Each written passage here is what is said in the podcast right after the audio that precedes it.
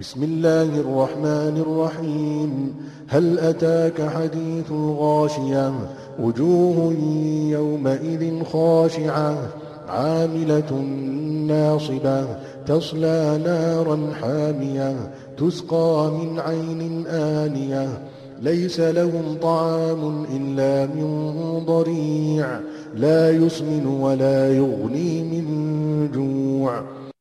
奉至仁至慈的安拉之名，大灾的消息却已降临你了。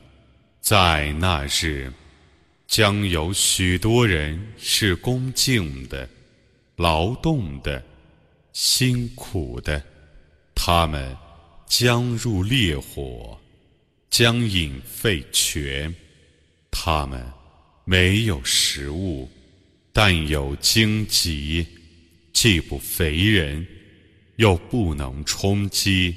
وجوه يومئذ ناعمة لسعيها راضية في جنة عالية لا تسمع فيها لاغية فيها عين جارية فيها سرر مرفوعة وأكواب موضوعة ونمارق مصفوفة وزرابي مبثوثة 在那日，将有许多人是享福的，是为其牢记而愉快的。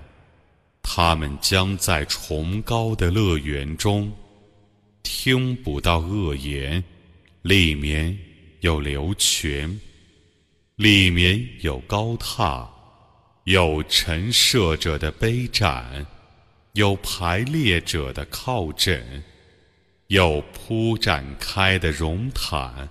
أفلا ينظرون إلى الإبل كيف خلقت وإلى السماء كيف رفعت وإلى الجبال كيف نصبت وإلى الأرض كيف سطحت 难道他们不观察吗？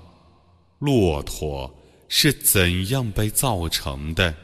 天是怎样被升高的？山峦 是怎样被树立起的？大地是怎样被展开的？فذكر إنما أنت مذكر لست عليهم بمسيطر إلا من تولى وكفر فيعذبه الله العذاب الأكبر إن إلينا إيابهم ثم إن علينا حسابهم